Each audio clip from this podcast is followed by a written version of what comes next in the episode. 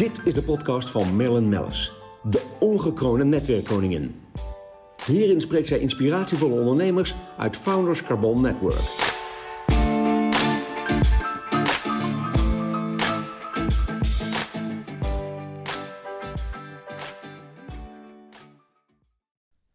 De podcast wordt mede mogelijk gemaakt door Blenheim Advocaten.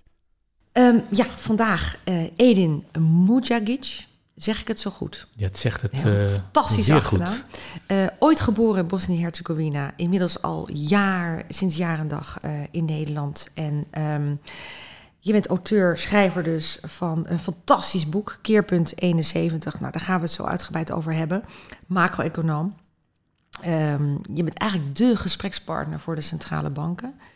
Um, ook ook uh, verbonden aan uh, vermogensbeheerder. Um, en uh, als ik dat dan zo zeg, dan denk ik, ja, dat klinkt best wel abstract. Maar ja, het komt heel dicht bij ons. Dus ja. nou ja, welkom aan tafel. Dankjewel, dank voor de uitnodiging. Heel gezellig. Even heel grappig dat je zegt, het klinkt heel abstract. Want ik zou daar bijna aan toe willen voegen, ook saai. En, um, want als je tegen mensen zegt, uh, uh, iemand die zich bezighoudt met centrale banken, nou, er zijn een heleboel andere dingen die veel minder abstract en zeker niet zo saai zijn. Um, alleen als je, als je dan even de moeite neemt om het daar even over te hebben, al is het 15 minuten, dan zul je erachter komen dat hoe abstract en saai de instellingen en de onderwerpen uh, waar de centrale banken over gaan ook zijn, het zijn wel dingen die ons allemaal raken, heel dicht bij ons allemaal komen, ja. waar je ook woont, hoe oud je ook bent. En ik durf zelfs zo te gaan dat de besluiten die die saaie, abstracte instellingen nemen, die hebben meer invloed op ons dagelijks leven dan de besluiten van Mark Rutte en zijn kabinet. Nou, kijk, en dit zijn natuurlijk de momenten om, uh, om daarover te spreken. Want ja, zullen we gewoon beginnen bij Keerpunt? Want dit boek ligt voor me, fantastisch. Nou ja, op, op het, uh, bij de link zit natuurlijk uh, waar mensen het bij af kunnen luisteren ook een prachtige foto ervan. Um, 1971, Keerpunt. Ja. Vertel. Mooi Want, jaar. Ja, mooi jaar. Ja, Wat in- gebeurde er? Ja, ik 19 weet het natuurlijk stiekem al, want ik heb natuurlijk al een stukje in, gelezen. in 1971 zijn er heel veel dingen gebeurd. Uh, mensen die een beetje voetbalfans zijn, die denken nu meteen Ajax wint Europa Cup in 71. Is waar. Klopt. Uh, uh, mensen die fans zijn van wielrennen, die weten Eddie Merckx won de Tour de France. Ja, en. Jaap Zoetemelk was nummer twee. Ja, secundo. Uh, allemaal leuk en aardig, maar daar heb ik het dus niet over. Nee. Waar ik het over heb, zijn, zijn, zijn een aantal uh, andere dingen die uh, heel veel invloed op onze levens hebben gehad en op het verloop van de historie sindsdien. Uh, ik noem maar even een aantal zaken. 1971 uh, werd het eerste microprocessor voor de computers verkocht. Werd het eerste mailtje verstuurd. Werd de verre voorloper van de USB-stick aan de man gebracht. Uh, dat zijn allemaal dingen die je kunt scharen onder het kopje een nieuw tijdperk is begonnen in Volledig, 1971. Ja. Um, dus dat alleen al rechtvaardig tot op zekere hoogte om over 1971 te praten als een keerpunt in onze Ja. historie. Daar komen nog twee dingen bovenop. Eén is dat in 1971 de Amerikaanse president Richard Nixon heeft aangekondigd op bezoek te gaan naar China. Dat is anno 2021 volkomen normaal. Ja. Je moet je voorstellen, na de Tweede Wereldoorlog hadden Amerika en China geen diplomatieke relatie met elkaar. Nee, dus dus die, dat, dat was echt ook een keerpunt. dat, dat was echt een keerpunt, Ja, want global. wij gingen als het ware uh, de deur openzetten voor China om weer mee te doen met de wereldeconomie. Ja, Nou, zometeen gaan we het hebben over. ja. Zonder dat we daar überhaupt over hoeven te hebben, weten we, deelname van China aan de wereldeconomie schijnt wat gevolgen te hebben. ja. Mooi. Maar de veruit, veruit, veruit belangrijkste gebeurtenis uh, in mijn optiek in dat jaar is een gebeurtenis op zondag 15 augustus 71. daar, op, op, op die dag heeft diezelfde president Nixon wereldkundig gemaakt dat met onmiddellijke ingang de koppeling tussen de Amerikaanse dollar en het goud verbroken wordt. En hier sluit ik even aan bij waar we zijn begonnen. Is dit saai? Ja. Is dit abstract? Ja. Maar het schijnt oh zo belangrijk te zijn, want als ik nu Financieel Dagblad opensla, 50 jaar later, Ja. en ik lees 10 artikelen over 10 verschillende onderwerpen, dan kan ik zonder al te veel moeite minstens zeven artikelen direct of indirect in verband brengen met ja. die ene dag in 1971. Ja, mooi. Ja, ik wil natuurlijk heel graag voorbeelden ook. Ja, dit zijn natuurlijk... Daar was ik wel bang voor, ja. Ja, ja, ja, ja. ja. Ehm, eh, want eh, ja, dat is eigenlijk, je, je omschrijft eigenlijk de relevantie voor ons hè, van, van dat jaar. Ehm, heb je voorbeelden? Ik vind dat ontzettend leuk. Ja, want dit is natuurlijk wat de luisteraar natuurlijk heerlijk vindt om te horen. Ja, nou kijk, ehm, laat ik even starten met iets wat, misschien, wat je misschien niet zo heel snel eh, in verband zou brengen met 71. Dat maakt het altijd extra leuk, want ja, ja. eerst gaan we het zeggen, dan neem ik een eh, kopje koffie. Ja. Dan gaan mensen toch denken, wat bedoelt hij daar toch mee? Ja. Ehm, de negatieve spaarrente. Ja. Of in het meest gunstige geval tegenwoordig 0% spaarrente. Ja. Nou, dat, dat is iets waar ieder van ons mee te maken heeft. Eh, of je nog zelf een spaarrekening hebt, of dat je een kind of kleinkind hebt waar je, zoals we altijd geleerd hebben, je opent een spaarrekening, je stort daar elke maand een bedrag op. Ja. Ehm, ja, dat schiet natuurlijk niet op als die spaarrente 0% is. Ehm, maar wat, wat heeft die negatieve spaarrente met 71 te maken? Nou, als ik het heel kort samen moet vatten, alles. Ja. Wat dat besluit van Nixon in 71 mogelijk heeft gemaakt, is dat er voor het eerst op mondiaal niveau onbeperkt geld bijgedrukt kon worden. Voor die dag, voor 15 augustus 71, kon je als Amerikaanse regering of Amerikaanse centrale bank ook dollars bijdrukken. Dat gebeurde ook. Maar je moest er wel voor zorgen dat er evenveel goud eh, eh, als Ja. dekking daarvoor kwam. Nou, na, na 71 hoefde dat dus niet. Wat dat onder andere eh, betekende, is dat wat ik in het boek Leven op de Pof noem, mogelijk werd. Ja. Overheden gingen structureel rood staan. Structureel dus meer uitgeven dan wat er binnenkwam. ja. Ehm, dat gebeurde niet zomaar, maar omdat in diezelfde periode ontstond er een beetje het gevoel dat niet alleen de economie, maar ook de hele samenleving maakbaar is. Je, je, je, hoeft dat niet over te laten aan, laten we zien hoe dat loopt. Nee, we kunnen het sturen, we kunnen het maken. En eh, als je zegt dat de samenleving en economie maakbaar zijn, ja, dan ligt het voor de hand dat de overheid daarvoor moet zorgen en dat kost geld. Vandaar dus dat je structureel rood bent gaan staan als overheid. Ik heb het niet alleen over de Amerikaanse overheid, geldt voor, ook voor de Nederlandse overheid. Er is een hele mooie grafiek van de eh, begrotingssaldo van de Nederlandse overheid sinds 1945. Nou, tot aan 1971 min of meer niks aan de hand. En na 71 staan wij ook structureel ja, rood. Ja, ja, ja. Nou, dat rood staan ehm, en daarmee dus die economie aanjagen en de groei aanjagen, dat kan alleen maar gebeuren als er aan twee cruciale voorwaarden is voldaan.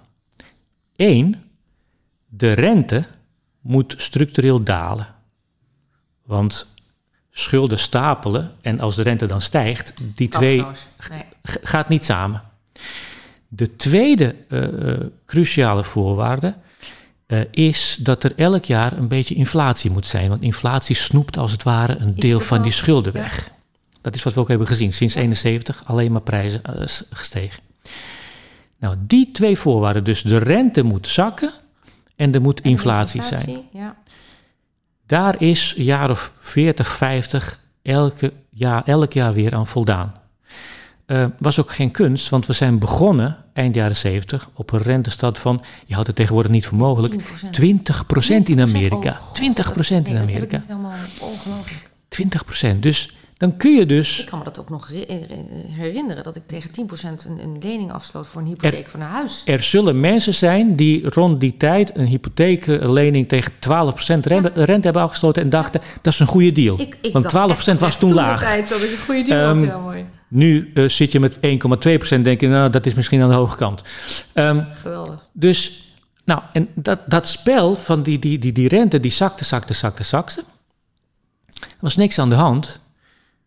Tot het moment dat de rente 0% bereikt. Ja, dan kan die dus niet verder omlaag en wordt er niet meer voldaan aan een van die twee voorwaarden, voorwaarden waar ik het over had. Nou, gelukkig is één van de twee, dus je hebt de tweede voorwaarde. Dus De, de schulden eh, stapelen, dat gaat ook prima als je begint vanaf nul. Als je geen schulden hebt, ja, dan ga je een beetje schulden stapelen. Goed, nu hebben we ze. Dat is, Ja. Er is niks mis mee met schulden, zolang ze maar klein zijn. Want eh, de rente en de aflossingen legt een heel klein beslag op je inkomen. Je kunt gewoon doorgaan met je leven. Ja.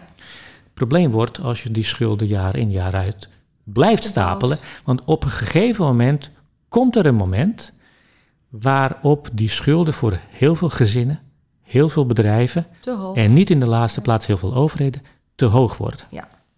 En die twee dingen, het bereiken van 0% rente in 2008 en daarna, en dat de schulden voor te veel landen en te veel bedrijven en te veel huishoudens te hoog zijn geworden, die vielen samen. Ja. Dus de crisis sinds 2008, en als je goed luistert, zul je merken, ik heb het niet over meervoud, ik heb het niet over crisis sinds 2008, Nee. maar crisis. Er is maar één, die duurt zo lang, is ingegeven doordat voor het eerst in 50 jaar tijd aan die twee cruciale voorwaarden niet, niet meer voldaan. voldaan Nee, wordt. En want, En daar zitten we nu in. Ja, ik hang aan je lippen. Hè? Dat is eh, duidelijk. Ik ben, ik, ben altijd helemaal stil bij jou. Dat, ge- dat gebeurt niet vaak natuurlijk dat ik stilval. Ehm ik vind het zo bijzonder, hè? want we, we hebben het natuurlijk over het verleden, hè? Over, over 71, over het heden. Ehm, ja, iedereen maakt zich toch ook wel ja, zorgen over de toekomst. Maar hoe, hoe zie je de toekomst? Waar gaan we naartoe? Het is, eh, eh, het is anno 2021, gegeven ook deze problemen die ik aangaf. Ik bedoel, waar, waar het verhaal van de afgelopen vijf minuten op neerkomt, is de motor die onze economie heeft aanges- eh, eh, aangedreven, Ja, is zonder brandstof komen te zitten en we hebben geen nieuwe brandstof. Daar komt het op neer. precies. Dus het is heel moeilijk, of eh, sorry, het is heel makkelijk om nu heel negatief te zijn, een beetje doemdenkerig te zijn. Maar dat hoeft niet. Maar dat hoeft juist niet. Want wat, het enige wat ik in het boek doe, is ik duik, ik duik de, eh, de historie in en ik probeer daar lessen uit te halen, rode lijnen uit te halen, die mij helpen om het heden te begrijpen. Waarom, waarom is die spaarrente negatief? Nou, dat kan ik linken Ja, hier en, en ook een lijn ook aan iets- te geven hoe we de toekomst En- ingaan. Vervolgens, het heden kan ik begrijpen door te leren van het verleden. En als ik het heden begrijp en het verleden bestudeerd heb, kan ik iets zeggen over de toekomst. Want in het verleden kom je heel vaak dingen tegen. Als je niet zou weten wanneer ze zich afspelen, zou je denken, nou dat is van vorig jaar. Ja, Geschiedenis herhaalt zich Herhaalt misschien niet, maar rijmt in ieder geval wel. soort, ja. Nou, een van die dingen die uit die lange eh, historie, en dan heb ik het niet alleen over 71 en verder, maar ook daarvoor. Mhm. Ik zei net al, de, die, die ineenstorting in 2008 was het begin van een crisis die tot op de dag van vandaag in feite duurt. Omdat we dat probleem van toen te hoge schulden niet opgelost hebben. Schulden zijn alleen maar hoger geworden. ja. In het verleden hebben we ook een paar van dat soort lange crisis meegemaakt. En wat hebben ze gemeenschappelijk? Kijk, ik ga altijd op zoek. Wat, wat hebben ze gemeenschappelijk? Wat- wat- Want dan kan ik iets leren. En Ja. wat ze gemeenschappelijk hebben is, ze duren altijd een jaar of 15, dit soort lange crisis. En als je terugkijkt, zie je dat ze de overgang markeren tussen twee tijdperken. Tijdperken van welvaart. Precies. En als ik die voorgaande crisis, die dus 15, 20 jaar duurde, als ik daar wat kenmerken uithaal, dan kan ik nu gewoon vinkjes achter elkaar gaan zetten.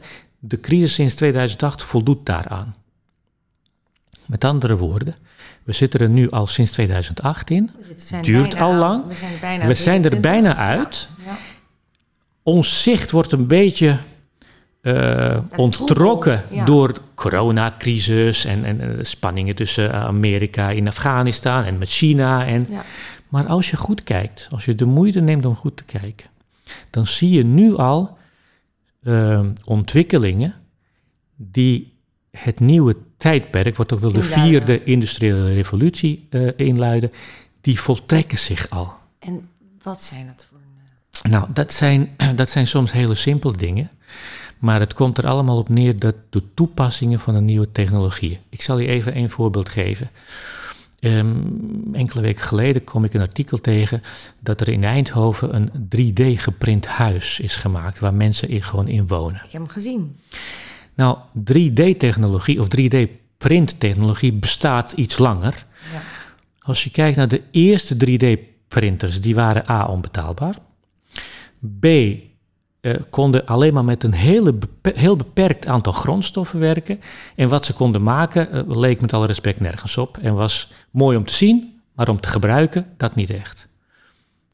10, 15 jaar later. Het is een spectaculair ontwerp. Betaalbaar. ja. Het maakt tegenwoordig bijna niet meer uit wat, er, wat je erin gooit. Ze werken daarop. ja. En wat ze maken, hebben we iets aan. Zo'n huis in Eindhoven is een Duurzaam, voorbeeld. circulair, alles. Duurzaam, Ja, cirkel. Je gebruikt ook de afvalstoffen. Ja, dus er is veel minder afval. Ehm, er zijn eh, op het ruimtestation dat om de aarde draait, ehm, als daar iets kapot gaat en er moet, eh, er moet een schroefje of zo vervangen worden. Voorheen moest dat ingevlogen worden, kost veel geld. Nu maken ze het daar gewoon. Ja, aanbod. Eh, ja, dat, kijk, dat is een heel klein voorbeeld van een technologie en een toepassing van een technologie ja. die langzaam maar zeker zijn intrede doet. Ehm, ik, ik heb er geen enkele twijfel over dat nog voor het eind van dit decennium we in een wereld eh, eh, leven waarin dit soort dingen volkomen vanzelfsprekend zullen zijn. Heb je nog meer voorbeelden? Nou, ehm, ik zou bijna willen zeggen, noem een sector en er is een voorbeeld bij. Eh, denk aan zorg. Ja, in de zorg. Eh, de, de, de, Mooie de, de, eh, ehm, de ontwikkelingen die daar gaande zijn. Dan heb ik het dus niet alleen over eh, de, de nieuwe vaccins of de nieuwe eh, medicijnen die mensen kunnen gebruiken, maar ook de, de technologie daarachter. De, de toepassingen van technologie die eh, heel veel dingen mogelijk maakt. Over Bijvoorbeeld, 3D gebroken, eh, gesproken, een nieuwe heup, eh, snelheid met operaties. wordt dus al gedaan, hè? Opereren zonder te snijden. Ik bedoel, Er- het is zo snel. Er is een kans ehm, als mensen een gehoorapparaat hebben of een kunstknie hebben, dat hun gehoorapparaat of kunstknie knie gemaakt is met een 3D-printer. Ja. Veel goedkoper, veel efficiënter, veel beter, veel duurzamer en ga zo maar door. Ja. Ehm, die toepassingen van nieuwe technologieën maken het ook mogelijk dat je bijvoorbeeld langer in je eigen huis kunt blijven wonen. Want op afstand kan iemand meekijken eh, eh, eh, hoe het met je gaat. En er hoeft ook zelfs niemand op alarm te drukken als het misgaat. Een apparaatje geeft dat automatisch door. Ja. Ehm, als je kijkt naar een technologie zoals 5G en de toepassingen daarvan. Ik- wij hebben het over smartphones. Over een jaar of vijf tot tien he- is, is alles, smart. Is smart, ja precies. Eh, Ja, die kant gaan wij op. Maar heb je ook niet het gevoel, eh, in, het gaat allemaal zo snel. Ehm, dat komt natuurlijk omdat we aan het begin van dit nieuwe tijdperk Dat- gaan. Het is Dat is mijn hele punt. Dat is, dat is mijn hele Het- punt. Het mooie is dat, ehm, ja, ik, ik, ik realiseer me dat terdege en helemaal door, door, door het lezen van jouw boek, dat eh, we op een heel bijzonder punt staan. En ja, 71 was ook een keerpunt. En ja, komende jaren gaat er zo verschrikkelijk veel gebeuren, wat ook meer naar buiten komt. Want er is al zoveel in gang gezet. Kijk, alle technologieën die wij nu vanzelfsprekend vinden, en laten we even eh, het voorbeeld smartphone houden, want dat herkent iedereen.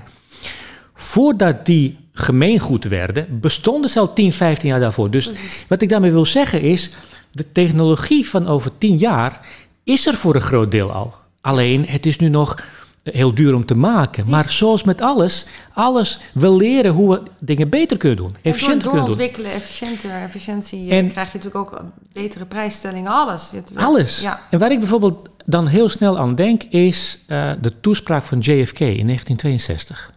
Dat vind ik een mooi voorbeeld. Dit was voor mijn tijd, maar we Dat vind ik een mooi, voor mijn tijd ook. Ja, ja, ja. Maar toch, toch een mooi voorbeeld. Waarom?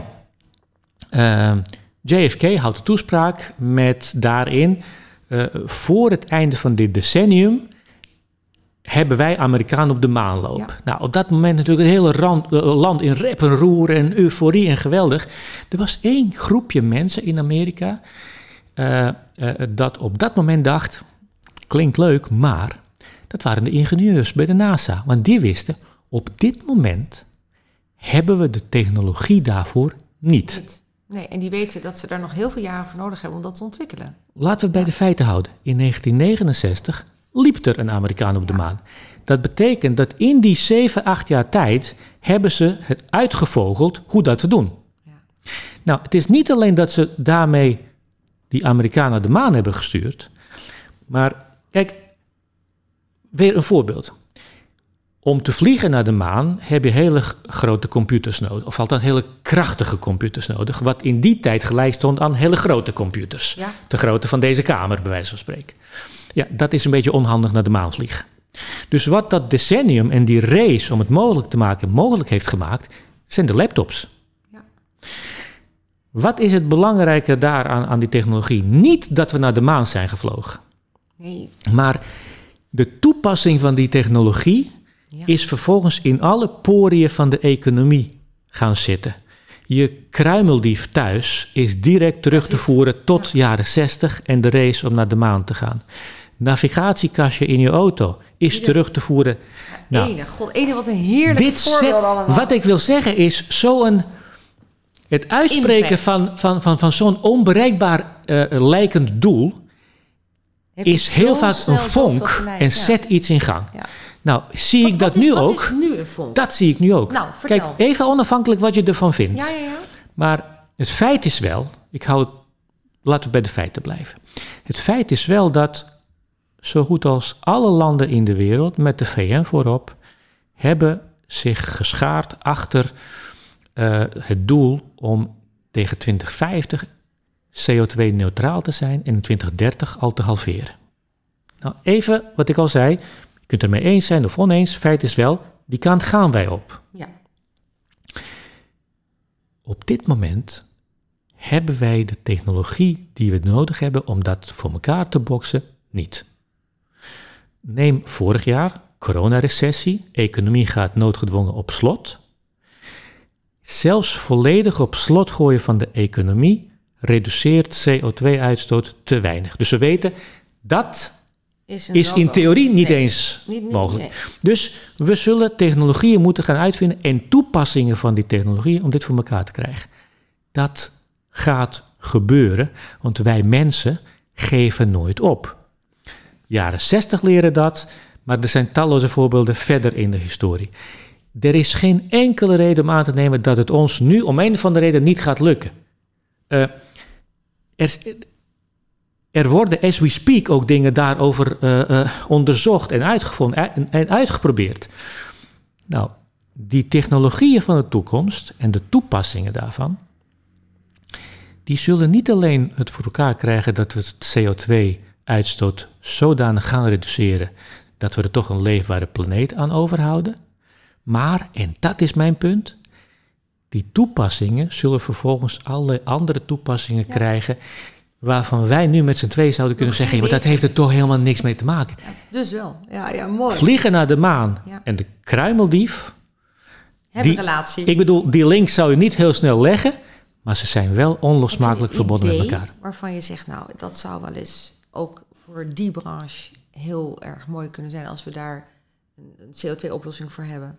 Merlin, er is, er, is, er is geen sector die er straks niet van gaat profiteren van de nieuwe technologie en toepassingen daarvan.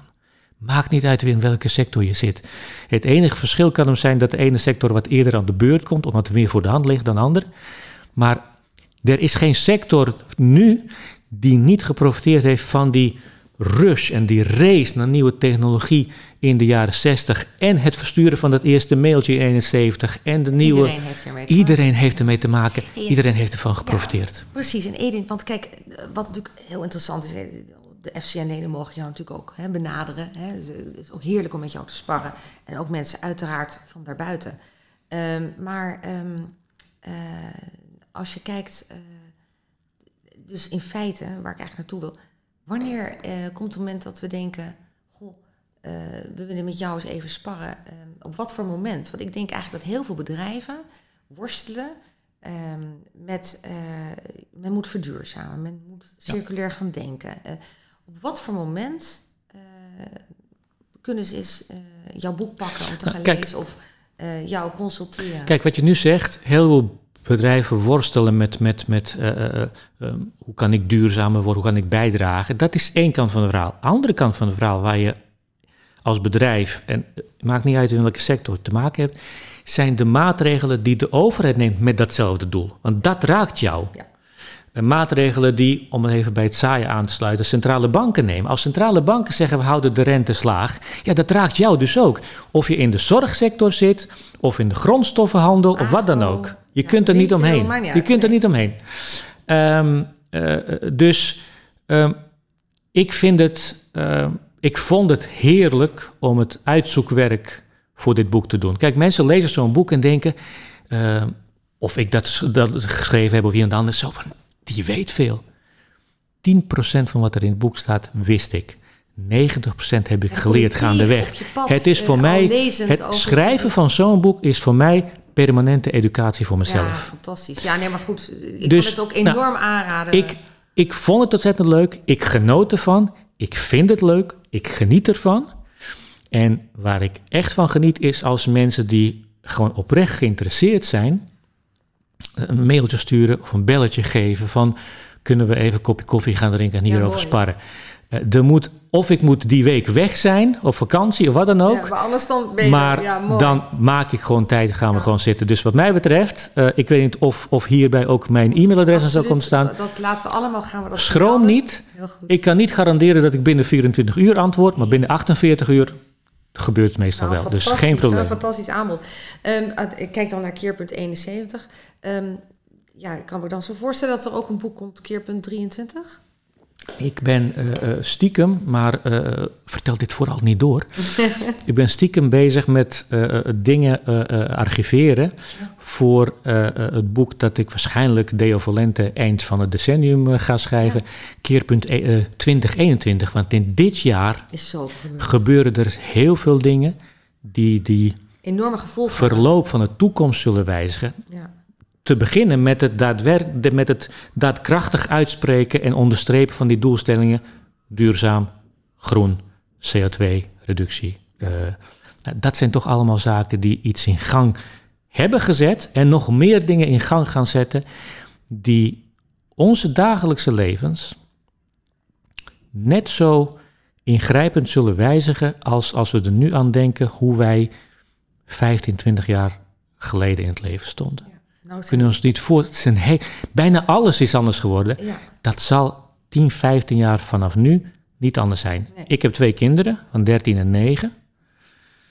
Ja, alles wat je nu bedenkt waar zij mee te maken gaan krijgen als ze vo- volwassen zijn, valt in het domein science fiction. Maar heel veel dingen in het verleden die science fiction waren en begonnen als science fiction, zijn reality geworden. En dat zal nu niet anders zijn. Nou, mooi. Prachtig verwoord. Nou ja, ik kan het iedereen aanraden. Keerpunt 71. Edin uh, Mujagic. Denk aan mooie fiets, daar komt er nog meest in de buurt. Komen er wel. Nee, fantastisch. Ehm, eh, ja, Edin, als laatste jaar, we hebben natuurlijk eh, binnen het Founders Carbon Network hebben we ook Piers Winkels. Die heeft ook zo'n prachtig circulariteitsprogramma opgezet met zijn. Daar zie je Bavaria pakt eh, daarin ook de lead. Er zijn natuurlijk heel veel andere bedrijven die heel goed bezig zijn. Ehm, en toch krijg je dan van sommige ondernemers te horen... oh help, het, go- dat gaat me allemaal geld kosten, wat levert het me op? Ja, ja. Eh, zeker iedere ondernemer weet, eh, je moet eerst investeren om rendement te halen. Dus daar begint het mee.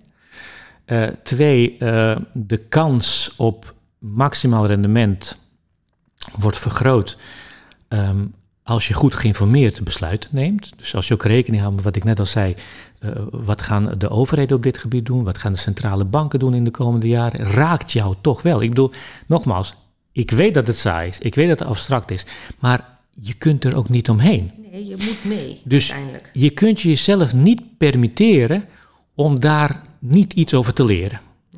Wat ik met dit boek probeer is. ehm, stel je eens voor, wij gaan met z'n allen naar het museum en we staan voor de nachtwacht. Eh, over nieuwe eh, dingen gesproken. Eh, ik las laatst dat ze met kunstmatige intelligentie de nachtwacht aangevuld hebben. Dus je kunt hem Ja. nu voor het eerst zien zoals die oorspronkelijk werd gemaakt. Ja, we hebben daar Een klein voorbeeld. ja, backstage een prachtige rondleiding op gehad. Het is uniek Nou, dat gedaan Dat hebben. is toch mooi? Nieuwe technologie. Nieuwe technologie. Ja. Anders was het niet mogelijk. Maar goed, stel je eens voor, we staan voor de nachtwacht. En we gaan met z'n allen zo dichtbij staan dat we met onze neus schilderij aanraken. Zien we één groot zwart vlak waarschijnlijk. Je ziet pas het prachtige schilderij als je een paar stappen achteren zet. Wat ik met dit boek doe, Ja, pak je ook Is- de bigger picture. Nachtwacht zijn, zijn dan de gebeurten, de actualiteiten nu. Ja. Eh, die negatieve spaarrente is maar één van de vele voorbeelden uit het boek. Dus doe een paar stappen Ik terug pak- en ik zat- met een ik zet- Ja, heel mooi. Ik zet een paar stappen terug en ik neem de lezer mee, ja. zodat we samen niet naar een zwart vlak eh, kijken en ons afvragen: wat zien wij hier in hemelsnaam? Maar zodat we dat prachtige schilderij zien. Nee, dan zie je wat er gebeurt. En dan zie je wat er gebeurt. En als je ziet wat er gebeurt, kun je ook nadenken als ondernemer- over de toekomst. kun je nadenken over de toekomst en Ja. wat wel of niet te doen. En Mooi. Nou, Dat is ik wil heel graag de podcast hierbij besluiten en je meteen uitnodigen voor eh, een volgende keer. Eh, om eens even met een terugblik weer te zeggen hoe was het afgelopen jaar en eh, wat is er allemaal gebeurd. Dankjewel Eden. Het was me een genoegen om je aan tafel te hebben. Eh, nou, wij zijn te beluisteren via Soundcloud en Spotify en eh, graag tot de volgende keer. Deze podcast werd mede mogelijk gemaakt door Blenheim Advocaten. you